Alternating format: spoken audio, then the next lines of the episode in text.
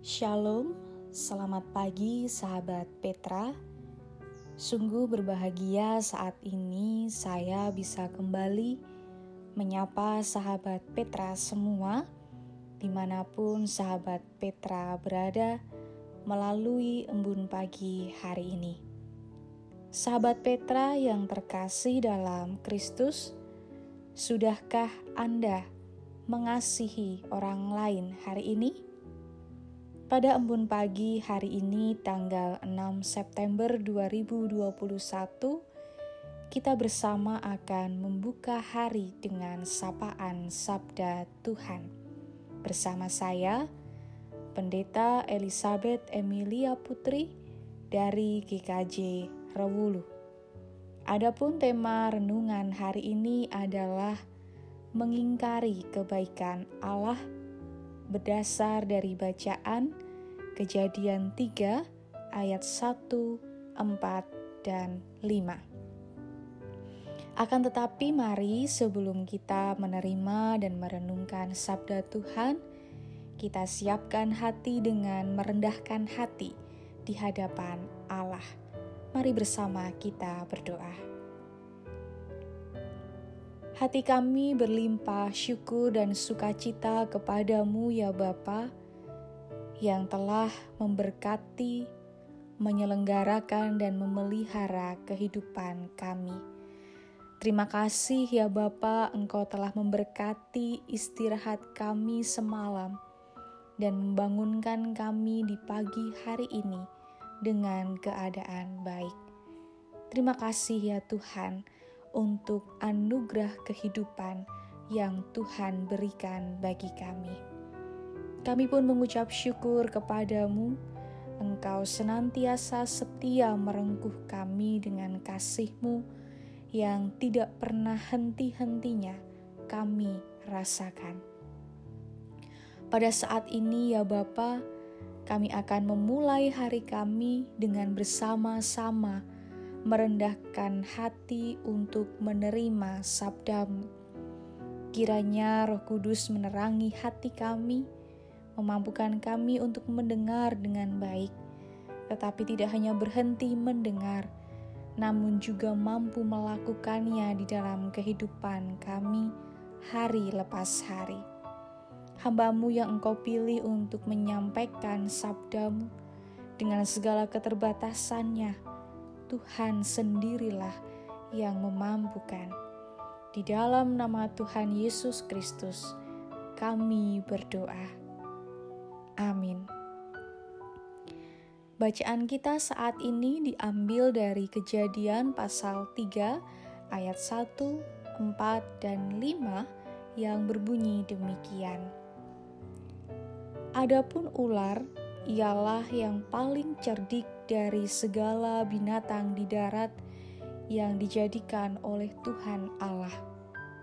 Ular itu berkata kepada perempuan itu, "Tentulah Allah berfirman, semua pohon dalam taman ini jangan kamu makan buahnya, bukan?"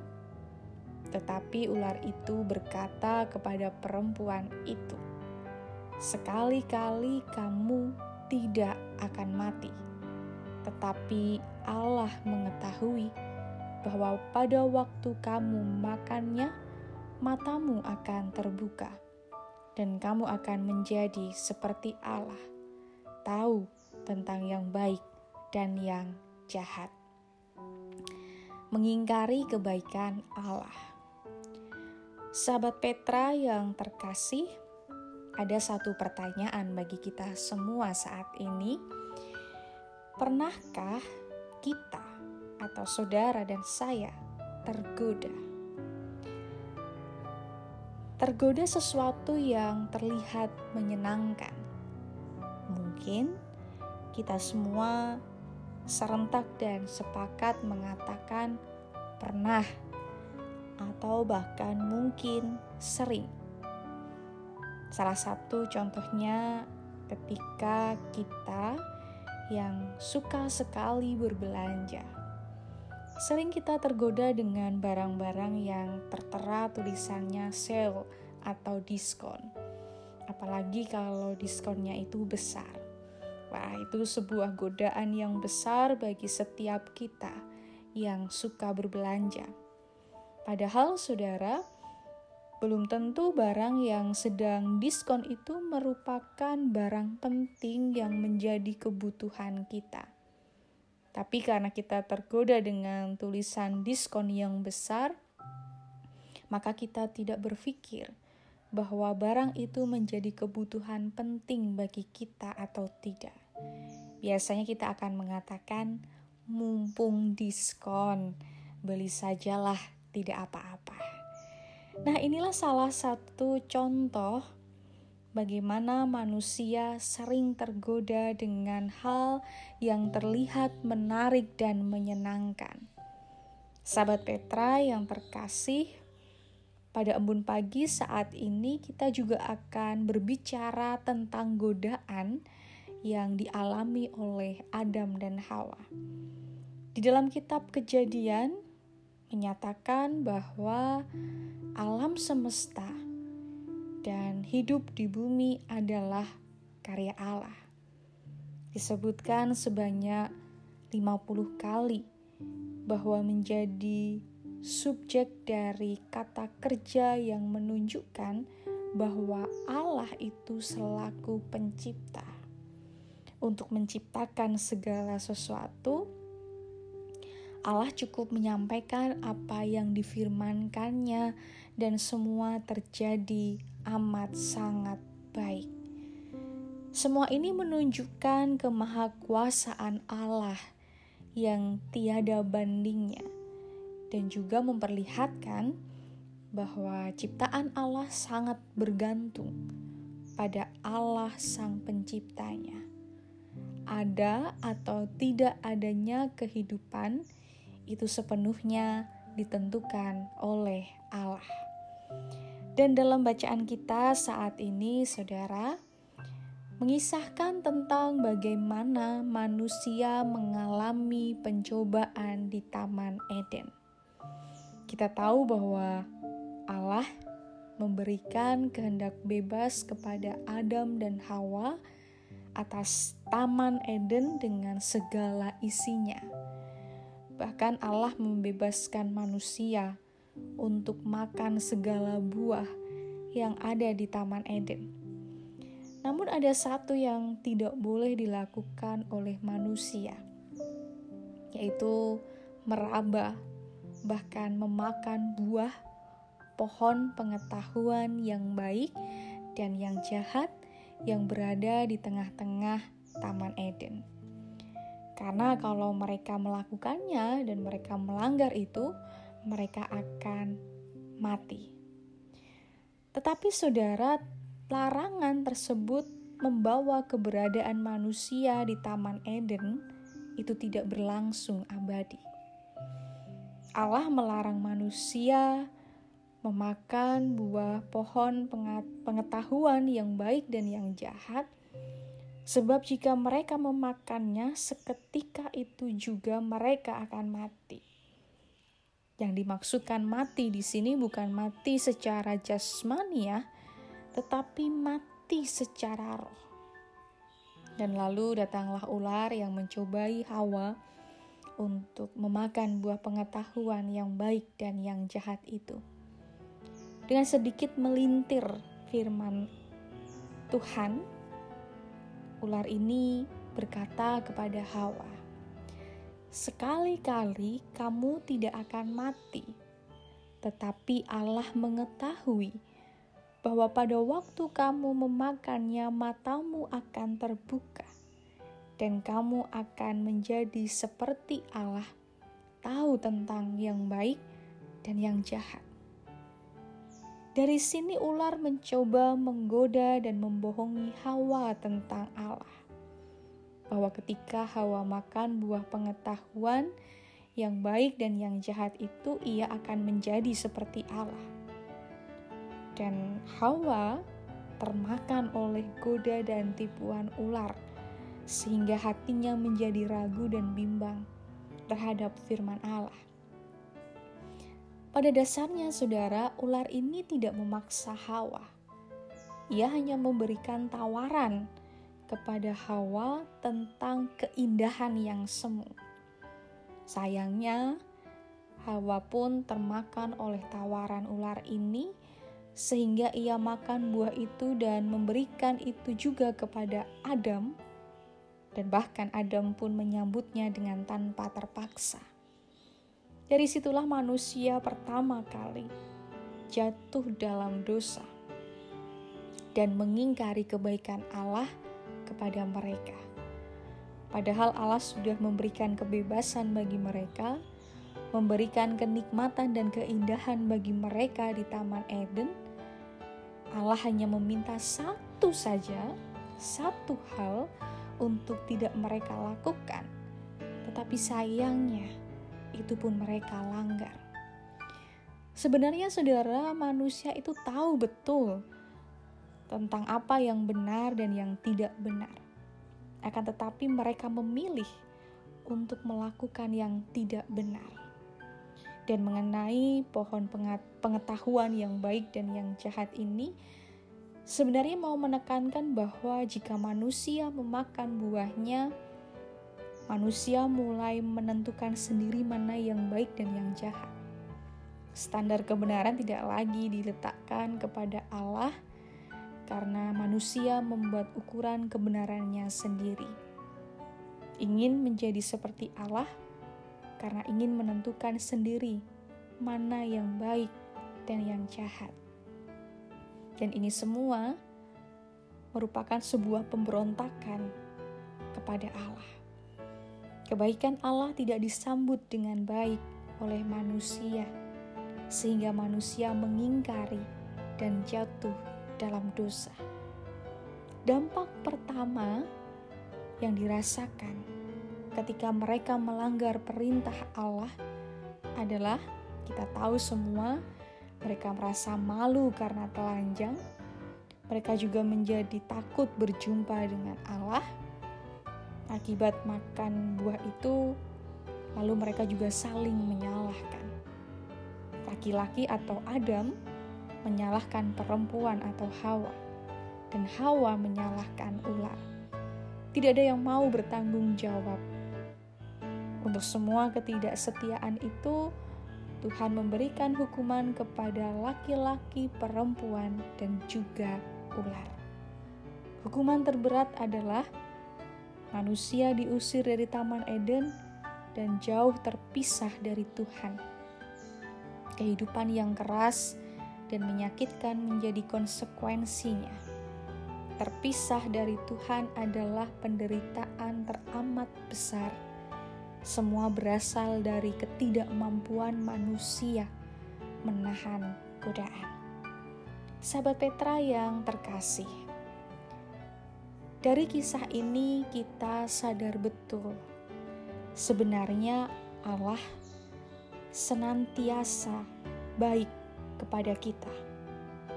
Kebaikannya itu tidak terbatas di dalam kehidupan kita sebagai manusia, tetapi sadar atau tidak sadar, tidak hanya Adam dan Hawa pada saat itu yang mengingkari kebaikan Allah, tetapi sampai saat ini kita pun masih sering mengingkari kebaikan Allah dengan keegoisan kita dan kebenaran kita sendiri. Berbagai macam godaan hadir dalam berbagai bentuk dan cara untuk menjatuhkan kita dalam dosa. Maka, satu hal yang perlu kita miliki adalah hidup dalam iman yang mengakui bahwa Allah itu Maha Kuasa, dan Ia adalah penguasa kehidupan kita. Jika pengakuan ini ada dalam hidup beriman kita, maka kita tidak akan pernah ragu dan takut dalam menghadapi setiap pencobaan yang terjadi di dalam kehidupan kita. Kita akan lebih menyerahkan diri dan mempercayakan diri kita, rencana dan masa depan kita kepada Allah yang Maha Kuasa. Jadi, apa pun persoalan dan godaan yang terjadi dalam hidup kita, menjadikan kita semakin bisa melihat dan mengalami kuasa Allah dalam hidup kita. Itu yang pertama, saudara. Iman yang senantiasa yakin dan percaya bahwa Allah itu Maha Kuasa dan Ia adalah penguasa kehidupan kita. Maka, berserah dan percayakan hidup kita sepenuhnya kepada Allah yang Maha Kuasa. Akan tetapi, tidak hanya itu saja. Lalu, yang kedua yang perlu kita lakukan adalah bersyukurlah. Bersyukur adalah kunci di mana kita mampu melawan setiap godaan yang terjadi di dalam kehidupan kita. Saya rasa pada saat itu Adam dan Hawa belum mampu bersyukur atas kebaikan Allah yang diberikan kepada mereka. Allah membebaskan mereka untuk memakan semua buah yang ada di Taman Eden, kecuali buah pengetahuan yang baik dan yang jahat. Ini adalah kebaikan Tuhan, tetapi mereka mengingkarinya dengan tidak bersyukur. Mereka ingin memiliki lebih dan bahkan ingin menyerupai sama seperti Allah. Bukankah ini wujud bahwa mereka tidak punya rasa bersyukur? Maka hal ini juga yang menjadi refleksi kita untuk senantiasa bersyukur atas kebaikan-kebaikan Tuhan yang sudah kita rasakan dan miliki saat ini. Bersyukurlah dengan segala yang kita miliki, bersyukurlah dengan segala yang kita alami Bersyukurlah dengan keberadaan kita saat ini, karena semuanya ini adalah berkat dan kebaikan Tuhan. Bersyukurlah atas keluarga yang saat ini saudara terima. Bersyukurlah ketika saat ini saudara masih bisa bersama-sama dengan keluarga. Dan misalnya lagi saat ini mungkin saudara memiliki posisi jabatan yang baik itu adalah berkat dan kebaikan Tuhan. Maka bersyukurlah dengan itu. Jadilah pribadi yang tetap rendah hati, bahkan dengan posisi saudara saat ini bisa memberikan dampak yang baik bagi banyak orang. Dan mungkin saat ini saudara merasakan kecukupan, bahkan berkelimpahan berkat Tuhan. Syukurilah itu semua. Dan jadikanlah dengan apa yang saudara miliki saat ini untuk menjadi berkat bagi orang lain, bukan malahan kita semakin ingin memeras dan menindas orang lain. Tidak tahu rasa bersyukur dan rasa cukup, sehingga membuat kita menjadi sombong, bisa jadi merasa tidak cukup, dan iri dengan orang lain yang kita rasa lebih dari kita. Maka, saudara yang terkasih, dua hal inilah yang perlu kita wujudkan dan perjuangkan dalam kehidupan kita, supaya kita tidak mengingkari kebaikan Allah. Milikilah iman yang senantiasa yakin dan percaya bahwa Allah adalah Maha Kuasa dan Ia adalah penguasa kehidupan kita. Maka berserah dan percayakan penuh hidup kita kepada Allah, dan bersyukurlah atas semua kebaikan Tuhan yang terjadi di dalam kehidupan kita. Selamat berjuang, selamat bersyukur. Tuhan Yesus memberkati. Mari kita bersatu di dalam doa. Mari kita berdoa. Kami bersyukur ya Tuhan untuk sabdamu yang kami terima pada pagi hari ini yang kami dengar bersama-sama. Kami mengucap syukur akan anugerah terindah yang Tuhan berikan bagi kami melalui kehidupan yang saat ini masih kami jalani. Kami sungguh merasakan cinta kasih-Mu yang besar bagi kami setiap harinya, yang tidak pernah habis-habisnya. Maka ajarkanlah kami ya Tuhan untuk mampu menjadi anak-anak Tuhan yang tidak mengingkari kebaikan Tuhan. Kami memiliki iman yang teguh dan senantiasa mampu bersyukur akan kebaikan Tuhan. Terlebih ya Tuhan, mampukan kami juga sebagai sarana untuk memancarkan kebaikan Tuhan melalui hati kami yang suka rela dan sukacita di dalam melayani Tuhan, sehingga kami pun mampu memancarkan kasih dan kehidupan bagi semua orang, terlebih memuliakan nama Tuhan.